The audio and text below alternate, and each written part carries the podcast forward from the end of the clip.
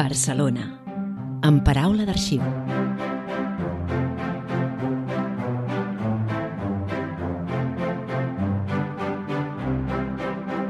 Us donem la benvinguda al podcast de l'Arxiu Municipal de Barcelona. Som en Javier Casanef i en Pere Andreu Geriot. Avui us volem parlar de la riquesa dels nostres centres d'arxiu en documentació històrica ambiental de Barcelona. Un dels corrents historiogràfics actuals més recents i més importants és la història ambiental.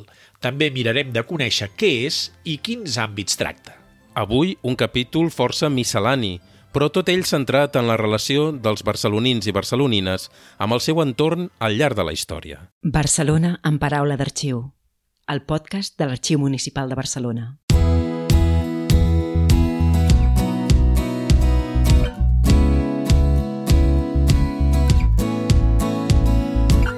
Bé, potser hauríem de començar aquest capítol dient que si el dediquem a la història ambiental i a la documentació històrica conservada als nostres centres d'arxiu, és per un esdeveniment en concret. Sí, perquè en aquest mes de novembre del 2023, que es publica aquest capítol que esteu sentint, en concret entre els dies 22 i 24 de novembre, es celebra el 18è Congrés d'Història de Barcelona, que en aquesta edició porta per títol Cap a una història ambiental de la ciutat, i que organitza, com sempre des de fa més de 40 anys, l'Arxiu Històric de la ciutat de Barcelona. Un congrés, doncs, que coincideix amb l'anunci de la imminent entrada en vigor a la regió de Barcelona de l'estat d'emergència per la falta de pluja i la reducció dels recursos hídrics acumulats als embassaments, en una de les pitjors crisis climàtiques que tenim notícia. El cas de la sequera a Catalunya i el seu impacte a Barcelona posa de manifest com les múltiples crisis ambientals que experimenta el planeta toquen de ple la població urbana. Després de dècades de migració des de l'entorn rural, més de la meitat de la població mundial viu a les ciutats, sovint a prop de la costa, propensa als riscos del canvi climàtic.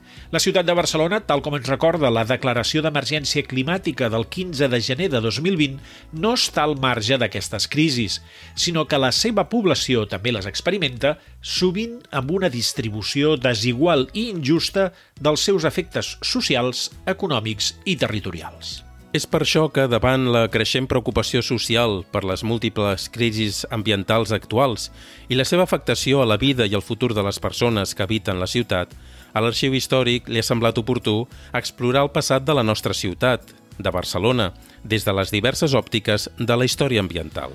Un congrés obert a tota la ciutadania i que es pot seguir per streaming pel canal de YouTube de l'Arxiu Municipal, per la qual cosa si esteu sentint aquest capítol un cop ja ha passat el Congrés, que repeteixo, es celebra entre el 22 i el 24 de novembre d'aquest 2023, doncs si, com dic, sentiu aquest capítol i el Congrés ja s'ha acabat, ja ha passat, no us heu de preocupar de res. Si teniu curiositat pel seu programa i pels temes que s'hi han tocat, teniu tota la informació al web de l'Arxiu Històric, en l'apartat de difusió, i els vídeos de totes les ponències i comunicacions presentades al canal de YouTube de l'Arxiu Municipal.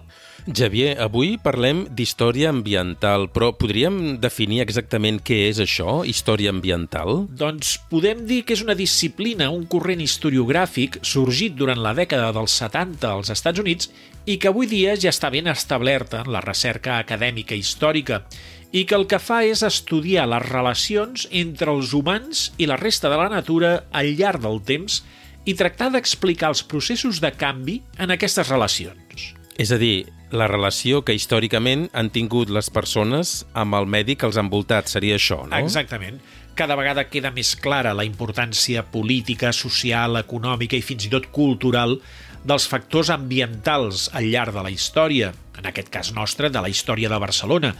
I la història ambiental posa el focus en aquesta mirada per comprendre millor la història per ella mateixa, com a coneixement del passat, però també les situacions actuals que estem vivint, que, sens dubte, formen part tant del comportament i la gestió que els humans hem fet del nostre entorn com d'una mirada sobre els processos en unes periodificacions que segurament són diferents de les habituals en història política, urbana, etc. Ostres, això és molt interessant. I força important. Doncs sí. Javier, de fet estic pensant que això de la història ambiental, des del punt de vista de la història de Barcelona, deu tocar molts temes, molts àmbits, oi? Home, sí, força temes, i tant.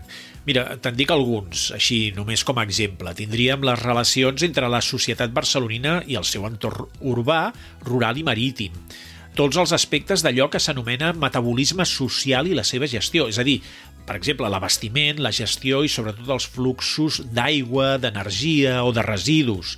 Tindríem també els impactes ambientals, regionals i globals de Barcelona, perquè des d'aquesta mirada de la història ambiental, Barcelona no és només allò que hi ha dins dels límits municipals, també tot l'entorn que Barcelona i la seva activitat condiciona. Tindríem també tots els àmbits de transformació del paisatge per canvis en la propietat, per accions derivades de la mobilitat o pels mateixos projectes urbanístics a la mateixa ciutat. No cal dir-ho, també la industrialització i les seves derivades en la contaminació i la salut. I un altre àmbit molt important, la climatologia històrica, o també les polítiques ambientals i de protecció de la natura i del verd urbà. déu nhi quants temes han sortit i que interessants. Doncs aquests només són uns quants. El que està clar és que a Barcelona tenim moltíssima documentació històrica sobre temàtica ambiental en els nostres centres d'arxiu de l'Arxiu Municipal. Barcelona. En paraula d'arxiu.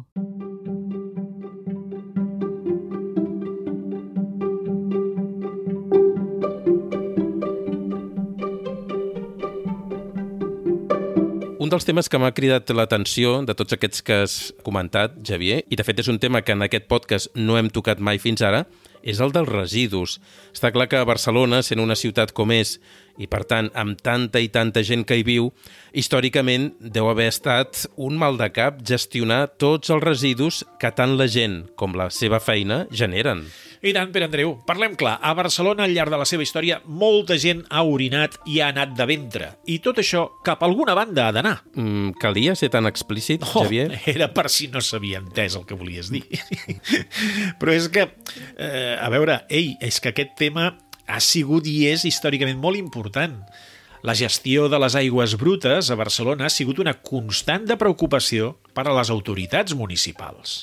Sabem des de quan hi ha clavegaram a la nostra ciutat? Uf, mira, si parlem de clavegaram, et diré que des de l'època dels romans i també la de mitjana, però a veure, si del que em parles és de clavegaram connectat a les cases de la gent, amb canonades i baixants i tota la pesca, això ja és diferent, això ja és més recent, més relacionat amb la possibilitat de tenir aigua a les cases i als pisos.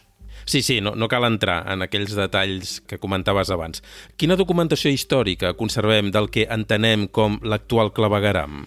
Doncs mira, en aquest sentit, els nostres centres d'arxiu se'n conserva força. En ser una infraestructura que comença a generalitzar-se i a instal·lar-se des de la segona meitat del segle XIX, conservem força documentació. Per exemple, ara em ve al cap un plànol impressionant de tot el projecte de clavegaram de l'antiga Vila de Gràcia, que es conserva a l'arxiu municipal d'aquest districte. O també d'altres plànols i documentació iguals a l'arxiu municipal del districte de Sants Montjuïc. I no cal dir-ho, a l'arxiu contemporani hi ha moltíssima documentació al respecte. I a l'arxiu històric, clar. A l'arxiu històric també, és clar. Però és una documentació diferent. Pensa que l'arxiu històric, a Cal Ardiaca, la documentació que es conserva és des d'època medieval fins a principis del XIX. I què hi podem trobar sobre aquest tema dels residus? Home, hi ha força cosa, però molt repartida. D'una banda, hem de pensar que en temps medievals i moderns, això que ara en diem reciclatge, i que sembla una cosa especial, abans era el més normal del món. Per exemple, els budells dels animals que es mataven als escorxadors els compraven els que fabricaven cordes d'instruments musicals perquè era a partir dels budells que es fabricaven aquestes cordes. Això tu ho saps prou bé. I com això, moltíssimes coses més. Fins i tot, les restes de cera de les espelmes de les esglésies es revenien. Però també podem trobar moltíssimes ordinacions i bans prohibint als barcelonins que facin segons quines coses eh, o que segons quines coses les llencin al carrer. Calla, calla, ja, ja m'imagino per on vas. I fins i tot podem trobar algunes coses molt curioses. Fixa't, Pere Andreu, en aquesta notícia que et llegeixo del 20 d'agost de 1407 i que he tret del dietari del Consell de Cent. Aquest dia comença de servir amb una asa de la ciutat per escombrar i tirar a mar tots cans et gats morts i altres letgeses en francès basant. Perdona, com? O aquesta altra notícia, també del dietari del Consell de Cent, del 19 de juny de 1436. Aquest dia, los honorables consellers proveïren de l'ofici de tirar gats i altres animals morts a mar en Jordi Company, amb lo salari i emoluments acostumats. No m'ho puc creure. doncs sí. A Barcelona, com a mínim des del 1407 i fins gairebé el 1700, hi va haver un ofici pagat pel Consell de Cent que consistia en un senyor amb un carro que anava pels carrers de la ciutat recollint els gats i altres animals morts per portar-los fora muralles i tirar-los al mar. Aquest ofici es deia així, tiragats al mar. O sigui, era un ofici amb, amb nom i tot. Tiragats al mar, déu nhi De fet, ja en portem unes quantes. El podcast està quedant maco-maco, eh, Javier? no, això és el que té la història, meu. Pensa que el tiragats al mar també se l'anomena a la documentació el gater, de gat gater. I no creguis, complia una funció importantíssima, i més encara en uns temps de contínues epidèmies. La cosa ja era prou xunga com per afegir-hi els animals morts per la ciutat. Però els gaters, o aquests tiragats, no deurien ser els únics escombriaires que hi havia a la Barcelona de fa uns quants segles, no? A veure, tot i que els escombriaires o les brigades de neteja urbana, tal com les coneixem actualment, també són d'una època més contemporània, a l'arxiu històric, per exemple, no deixem de trobar notícies com aquesta, del registre de deliberacions del Consell de Cent de l'any 1651, en concret del 19 de maig, que diu «Los senyors consellers, tots sis ajuntats, etc., amb vot i parer de la dotzena del Morbo, deliberen que sien girades a Rafael Riera, obrer de la present ciutat, 50 lliures per convertir aquelles en pagar los gaters i per pagar dos carretes que han d'anar per la present ciutat netejant-la de totes les immundícies hi ha per los carrers, com són draps, robes de qualsevol espècie i piles d'escombraries. Xavier, Què? podem canviar de tema? Canviem de tema.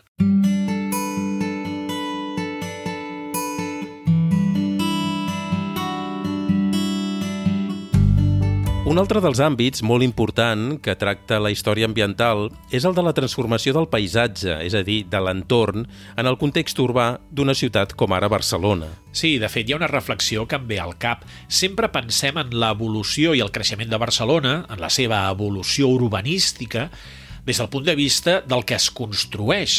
Primer doncs, la Ciutat Vella, després la urbanització del Raval, després l'expansió de l'Eixample pel Pla de Barcelona, el creixement dels barris més perifèrics... Però poques vegades ens ho mirem des de l'aspecte de la transformació d'un territori de rural o agrari a residencial urbà. O tota la transformació dels antics pobles, com ara Sants o Sant Martí, degut a la industrialització i a la instal·lació d'enormes fàbriques en espais que eren camps i pastures. Naturalment, a Barcelona totes aquestes transformacions les tenim força documentades, o si més no, de moltes conservem molta documentació als centres d'arxiu municipals. Potser el que passa, però, és que la documentació no ha sigut mirada tant des d'aquesta òptica de la transformació del paisatge com del que aquesta transformació implicava. Si penséssim alguns exemples, pel que fa a la documentació, podríem observar la transformació del paisatge del Pla de Barcelona només resseguint tots els plànols d'expansió de l'urbanisme de l'Eixample al llarg del temps a partir de 1860 i que es conserven a l'Arxiu Municipal Contemporani i a diversos arxius de districte. Ara que parles de l'arxiu contemporani, un altre fons molt interessant en aquest sentit, Javier, és tota la documentació que es conserva de l'exposició internacional que va tenir lloc a Barcelona l'any 1929. Ostres, i tant. L'exposició del 1929 va suposar la transformació radical de la muntanya de Montjuïc. Penseu que una muntanya verge, natural, amb els seus corriols, senders, fonts, etc., i ben despoblada, es va transformar en pocs anys en el Montjuïc que coneixem ara, Penseu que totes aquelles escales, totes aquelles fonts, el mateix Palau Nacional on hi ha el Manac, el mateix Estadi Olímpic, tot això i més es va obrir i construir en una muntanya transformant-la totalment. I a l'Arxiu Municipal Contemporani hi ha el fons que documenta tota aquesta transformació. I si pensem en barris, els districtes d'Horta-Guinardó o el districte de les Corts conserven també la documentació de tota la gran transformació dels entorns d'aquests districtes. Penseu en tota la ciutat guanyada a Collserola, per una banda, la d'Horta, o també en tota la urbanització del tram final de la Diagonal i la zona de Pedralbes, per exemple, pel que fa a les Corts. Clar, de fet, Javier, ara que ho penso, contínuament la vida humana transforma l'entorn i en una ciutat com Barcelona això es veu molt clar. Doncs sí, les persones vivim en un entorn i la nostra pròpia existència el condiciona i el transforma. El com afecta l'entorn i sobretot el com aquesta afectació ens afecta a nosaltres, abans i ara, és el que estudia la història ambiental. Barcelona en paraula d'arxiu, el podcast de l'Arxiu Municipal de Barcelona.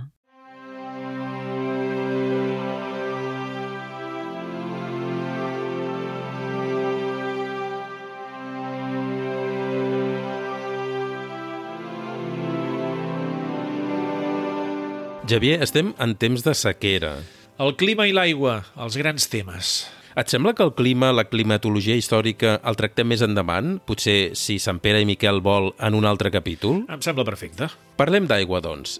Tot i que, de fet, en aquest podcast ja hem tractat el tema de l'aigua en dos capítols, el que vam dedicar al llibre de les fonts i un altre sobre les guerres de l'aigua al segle XVII. Sí, tot i que, ja que parlem de documentació, em permeto recordar als nostres oients que, pels que no el coneixeu, el llibre de les fonts a què es refereix en Pere Andreu és un llibre manuscrit que es conserva a l'arxiu històric que va ser escrit el 1650 per l'encarregat de vetllar per l'aigua de boca de Barcelona i que en ell es descriu al detall tot el sistema de captació, conducció i distribució d'aigua des de les mines d'aigua situades a Collserola fins a l'última font de la ciutat però a l'arxiu històric es deu conservar molta documentació sobre Barcelona i l'aigua, amb tants segles de documentació que conservem. Sí, i tanta. Però passa com en el tema de la gestió dels residus. No hi ha un fons específic sobre aigua. Les notícies, les informacions, les dades les has d'anar trobant en els diversos fons documentals, sense oblidar el ric fons del Departament de Gràfics. Destacaries alguna documentació en especial? Home, ja saps que amb aquest tema jo m'hi poso ràpid. Per exemple, a través de les informacions que dona el dietari del Consell de Cent i els volums del registre de deliberacions, que eren com les actes del Consell de Cent, podem anar resseguint la història de les diverses fonts antigues de Barcelona. També, i això és molt important, les diverses actuacions públiques per mirar de fer que plogui quan no plovia. Ep, i com ho feien això? Doncs mira, escolta això del 7 de març de 1521. En aquest dia, lo venerable capítol de la Seu per los respectes ja de sus mencionats de l'esterilitat i sequedat és en la terra, feu una molt devota processó per pregàries de pluja. Ostres, processons per invocar la pluja. Era l'única manera que tenien per mirar de fer que plogui. És que si ho penses, com fas que plogui? Com es fa? Mira, ara no ho sé. El que sí que sé és que en aquella època semblava que a vegades això de resar els funcionés Mira, només 12 dies després trobem escrit això. En aquest dia, per los venerables canonges i clero de la Seu, fou cantat un Te Deum Laudamus, amb so d'orga, entorn la dita Iglesia de la dita Seu, per fer gràcies a Nostre Senyor Déu de la pluja nos havia dada, que començà en la precedent jornada, volent exaudir les pregàries li n'eren fetes quiscun dia per Santa Mare Iglesia. Plàcia-li, per sa clemència i pietat, donar-nos la sua pau i preservar-nos de tot mal i perill. Amén. Ostres, potser que resem, no? potser sí, vés a saber. De totes maneres, la manca d'aigua a Barcelona, que ja veig que és una constant històrica, la deuríem mirar de pal·liar d'altres maneres més enllà de resar, oi? Segur que la documentació ens deu dir coses en aquest sentit. Sí, a l'arxiu històric hi podem trobar també tots els esforços del Consell de Cent per proveir d'aigua a la ciutat i als seus ciutadans, per exemple, buscant noves mines d'aigua a Collserola. Però també hi ha diversos projectes per fer portar l'aigua del Llobregat, Ah, mira, això no ho sabia. Sí, ja el 1401 el Consell de Cent va estudiar un primer projecte de dur aigua del Llobregat des de Cornellà.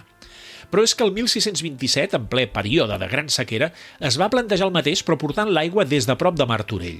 I aquest darrer el trobem força ben documentat a l'arxiu històric. Caram, de fet, ara que hi penso, al final sí que Barcelona va acabar rebent aigua del riu Llobregat. Doncs sí, però no va ser fins al segle XIX que es va aconseguir.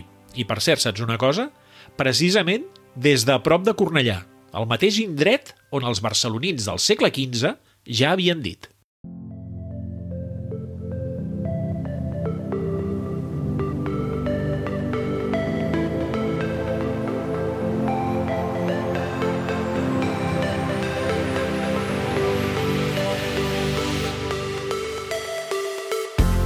A banda de l'Arxiu Històric de la ciutat, la resta dels centres d'arxiu de l'Arxiu Municipal de Barcelona també conserven centenars, per no dir milers, de documents relacionats amb l'abastiment d'aigua o, en general, a la relació de Barcelona amb l'aigua. I tant. De fet, podríem anar-los repassant tots i així ens podríem fer una idea. Què et sembla? Tots, tots els milers de documents? No tindrem pas temps. No, home, no, parlo dels centres d'arxiu. Ah, mal. Doncs vinga. Per quin comencem? Doncs no sé, eh, per exemple, per l'Arxiu Municipal del Districte de l'Eixample, què en podríem destacar? Doncs de l'arxiu del districte de l'Eixample podríem destacar la documentació que conserven de la Torre de les Aigües, en la Mansana, que correspon al número 56 del carrer de Llúria. Per exemple, el reglament de l'any 1893 de l'explotació del manantial d'aigua potable que va originar la construcció de la torre o també tota la documentació que es conserva de la inauguració de la Torre de les Aigües com a primer interior d'illa recuperat de l'Eixample el 1987 i de la platja de l'Eixample que s'hi va fer el 1989. I de l'Arxiu Municipal del Districte de Gràcia, què en destacaries? A l'Arxiu de Gràcia hi ha abundosa informació que s'hi conserva relacionada amb l'abastiment d'aigua quan Gràcia encara era un municipi independent i no l'havien agregat a Barcelona. Per exemple, hi ha desenes de sol·licituds d'obres per obrir rases, per instal·lar, ampliar, reparar o desembossar canonades d'aigua. També es conserven sol·licituds de construcció de safareig públics i també d'instal·lació de fonts públiques, que, per cert, la resposta de l'Ajuntament sempre era la mateixa. Ells posaven l'aigua, però els veïns s'havien de pagar la font. Naturalment, també tenim documentació sobre la instal·lació de les infraestructures necessàries per dur l'aigua a les cases de Gràcia per part de les diverses companyies d'aigua del moment. I fins i tot expedients sobre les epidèmies de còlera a Gràcia, causats per aigua infectada. També tenim expedients sobre el que ara en diríem pràctiques no sostenibles per abocaments d'aigües residuals o brutes en carrers o basses. I també perquè l'aigua sobrera de les fonts es faci servir per regar els arbres. déu nhi I què me'n dius de l'Arxiu Municipal de Sants Montjuïc? Home, aquest és fàcil. També conserva molta documentació relacionada amb l'aigua. Pensa que, d'una banda, és el districte que envolta Montjuïc, però Dos dels seus barris són la Marina del Port i la Marina del Prat Vermell, molt relacionats amb l'entorn litoral de l'altra banda de la muntanya. Per no parlar de la documentació relacionada amb la instal·lació d'aigua de les cases i de les diverses fonts que hi ha als barris, així com d'espais emblemàtics com ara el Parc de l'Espanya Industrial i el seu llac artificial. Anem a Sarrià, Pere Andreu? Doncs de l'Arxiu Municipal del districte de Sarrià-Sant Gervasi podem destacar els expedients de permisos de canalització a la Societat General d'Aigües per portar aigua procedent del riu Llobregat. Els relatius a treballs en mines d'aigua de Collserola o una documentació molt curiosa, els expedients oberts sobre els abusos que feien els cabrers, és a dir, els pastors de cabres, quan creuaven Sarrià i feien que les cabres beguessin aigua de les fonts de la vila. A l'arxiu també es conserven els expedients d'algunes de les fonts més emblemàtiques del districte, com són la de la plaça Borràs, la plaça de la Constitució o la plaça de Sant Joaquim. I ja posats a fer, també es podria destacar les fotografies i postals que es conserven del dipòsit d'aigua de la torre de Bellesguard o del pantà de Vallvidrera. I Ciutat Vella, què me'n dius de l'Arxiu Municipal del Districte de Ciutat Vella? Home, d'aquest és molt interessant la col·lecció que conserven de fotografies d'escenes de la vida quotidiana als carrers de Ciutat Vella i la Barceloneta, al voltant de les antigues fonts i també de les fonts més modernes. Però va, ara pregunto jo que ja fa estona que, que xerro. L'Arxiu Municipal del Districte de Sant Andreu, Aigua i Ciutadania. Va, què me'n dius? Molt bé. Doncs de l'arxiu de Sant Andreu segurament podríem destacar un dels fons més importants que tenim a Barcelona sobre una infraestructura relacionada amb l'aigua a la ciutat. Es tracta del fons de la Junta Rectora d'Aigües de la Sèquia Comtal, del Rec Comtal, vaja. El fons aplega tota la documentació generada per aquesta societat de propietaris interessats en l'aprofitament de l'aigua del Rec Comtal des de la seva constitució l'any 1835 fins a la seva dissolució l'any 1985. Recull tota l'activitat controlada per la Junta dut a terme al voltant del rec, les actes de la Junta, els expedients de les persones que demanaven ser propietaris per poder regar les seves terres, els expedients de desviació de la sèquia per regar terres més allunyades, notes dels vigilants, infraccions, comptabilitat, etc. Sobre el rec comtal ja vam dedicar en el seu moment un capítol del podcast, oi? És cert, un capítol xulo. Va comptar amb la Carme Miró i l'Enric Agmarc. I també amb en Jaume Oriol, l'arxiver de l'Arxiu de Sant Andreu. És cert, i ja que hi som, també és molt destacable una documentació d'un altre arxiu veí al de Sant Andreu, l'Arxiu Municipal del districte de Sant Martí, perquè conserven els diversos projectes de canalització que es van realitzar entre 1858 i 1888 per fer arribar l'aigua del rec al seu pas per l'antic municipi de Sant Martí de Provençals. Doncs ja que ets a Sant Martí, Javier, passa't per Nou Barris, eh, que ho tens allà al costat, i ens comentes alguna cosa de l'arxiu municipal d'aquest districte. Com ho veus? Vaig!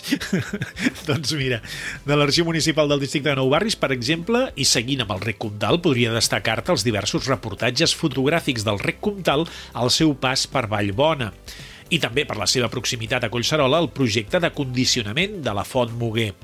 Però a banda d'això, també la documentació conservada de les reivindicacions veïnals de finals dels 60 i principis dels 70 reclamant infraestructures bàsiques de clavegaram i de fonts d'aigua potable al carrer. Tampoc no podem deixar d'esmentar l'arxiu fotogràfic, que és un altre dels centres d'arxiu de l'arxiu municipal. I en aquest arxiu, no cal dir-ho, la relació de Barcelona i el seu abastiment d'aigua està força documentada amb centenars de fotografies en presència d'elements relacionats amb l'abastiment d'aigua a Barcelona, des de fotografies de fonts d'aigua per veure fins a fonts monumentals en places i jardins. Moltes d'elles encara formen part del nostre paisatge. Sí, però és que també a l'arxiu fotogràfic conserven fotografies de fonts ja desaparegudes, amb el que això implica d'importància per al coneixement de la història de la ciutat. Sí, i també fotografies de les grans infraestructures d'abastiment d'aigua a Barcelona, com són els grans dipòsits, les instal·lacions de repartiment i distribució, les màquines potabilitzadores o de les obres de canalització en diversos punts de la ciutat. Sens dubte, a l'arxiu fotogràfic podem dir que es conserva la imatge gràfica de la relació de la ciutat de Barcelona amb l'aigua. I finalment fer un comentari sobre l'Arxiu Municipal Contemporani de Barcelona. Només dir-vos una cosa. Penseu que aquest és l'arxiu que custodia la documentació generada per l'administració de la ciutat des del primer terç del segle XIX. Per tant, qualsevol àmbit relacionat amb l'aigua pública des d'aleshores i fins ara, la seva documentació es conserva en aquest arxiu. Realment, Javier, allò que diem sovint en aquest podcast que Barcelona gaudeix d'una riquesa documental impressionant, es compleix del tot amb aquest capítol. I tant, avui, per aquest àmbit que toquem, però en general per a qualsevol àmbit relacionat amb la història i la vida de Barcelona. I a més, gràcies al catàleg en línia de l'Arxiu Municipal, amb la possibilitat que tots tenim de poder consultar gran part d'aquesta documentació històrica des de casa.